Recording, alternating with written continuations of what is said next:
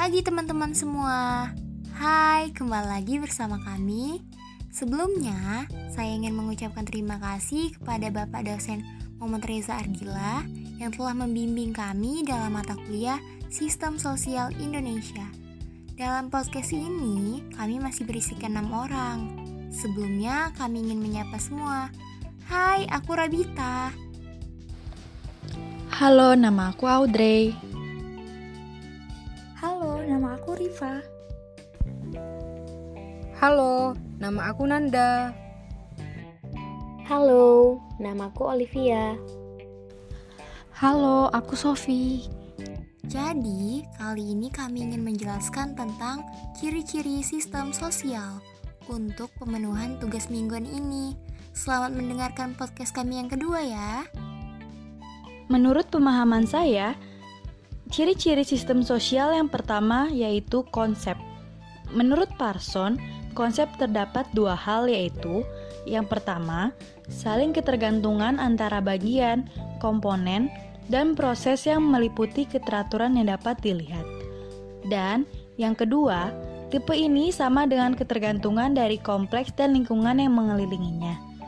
Konsep sistem sosial lebih menekankan pada hubungan sebagai satuan sistem yang berinteraksi.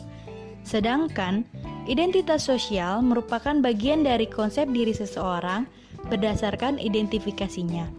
Menurut saya, identitas sosial sangat penting bagi kita karena memberi kita perasaan bahwa kita memiliki kedudukan dalam dunia.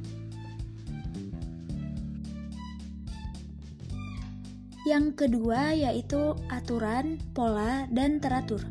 Sebuah sistem sosial kemudian dapat didefinisikan sebagai suatu pola interaksi sosial yang terdiri dari komponen-komponen sosial yang teratur dan melembaga.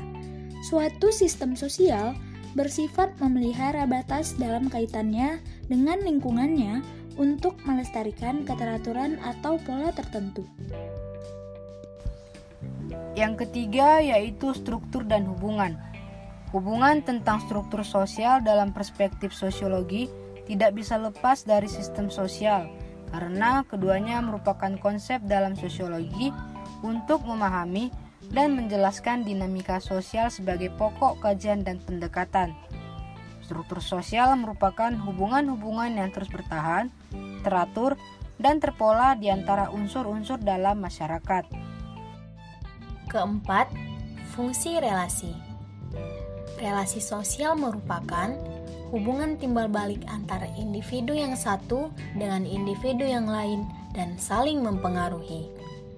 Relasi sosial dalam masyarakat juga terdiri dari berbagai macam bentuk, yaitu sebagai berikut.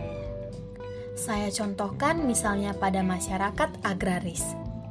Terjalin relasi antara tuan tanah atau pemilik tanah dengan petani penggarap atau penyewa, petani penyewa dengan buruh tani, petani dengan pedagang, petani dengan pemberi modal, dan lainnya. Yang kelima, mengikat dan kesatuan. Sistem sosial merupakan interaksi sosial fungsional seperangkat unsur-unsur dalam kelompok atau masyarakat untuk mempertahankan batas-batas atau kesatuan bagian-bagiannya dan untuk menuju suatu keseimbangan atau homeostasis.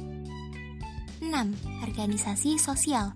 Organisasi sosial merupakan suatu bentuk tindakan atau perilaku individu untuk bekerja sama dalam mencapai visi atau tujuan yang disepakati. Contoh-contoh organisasi sosial yang biasa kita ketahui, yang pertama ada partai politik.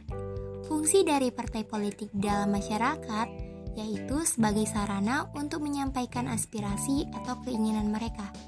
Yang kedua, sistem keamanan lingkungan. Sistem keamanan lingkungan biasa dikenal sebagai Siskamling. Keberadaan Siskamling ini sangat penting di dalam masyarakat. Ia berfungsi untuk menjaga keamanan dan ketertiban di tengah masyarakat. Yang ketiga, ada koperasi simpan pinjam, bertujuan untuk membantu terhadap kebutuhan anggotanya yang terkait dengan sektor ekonomi. Yang keempat, keluarga.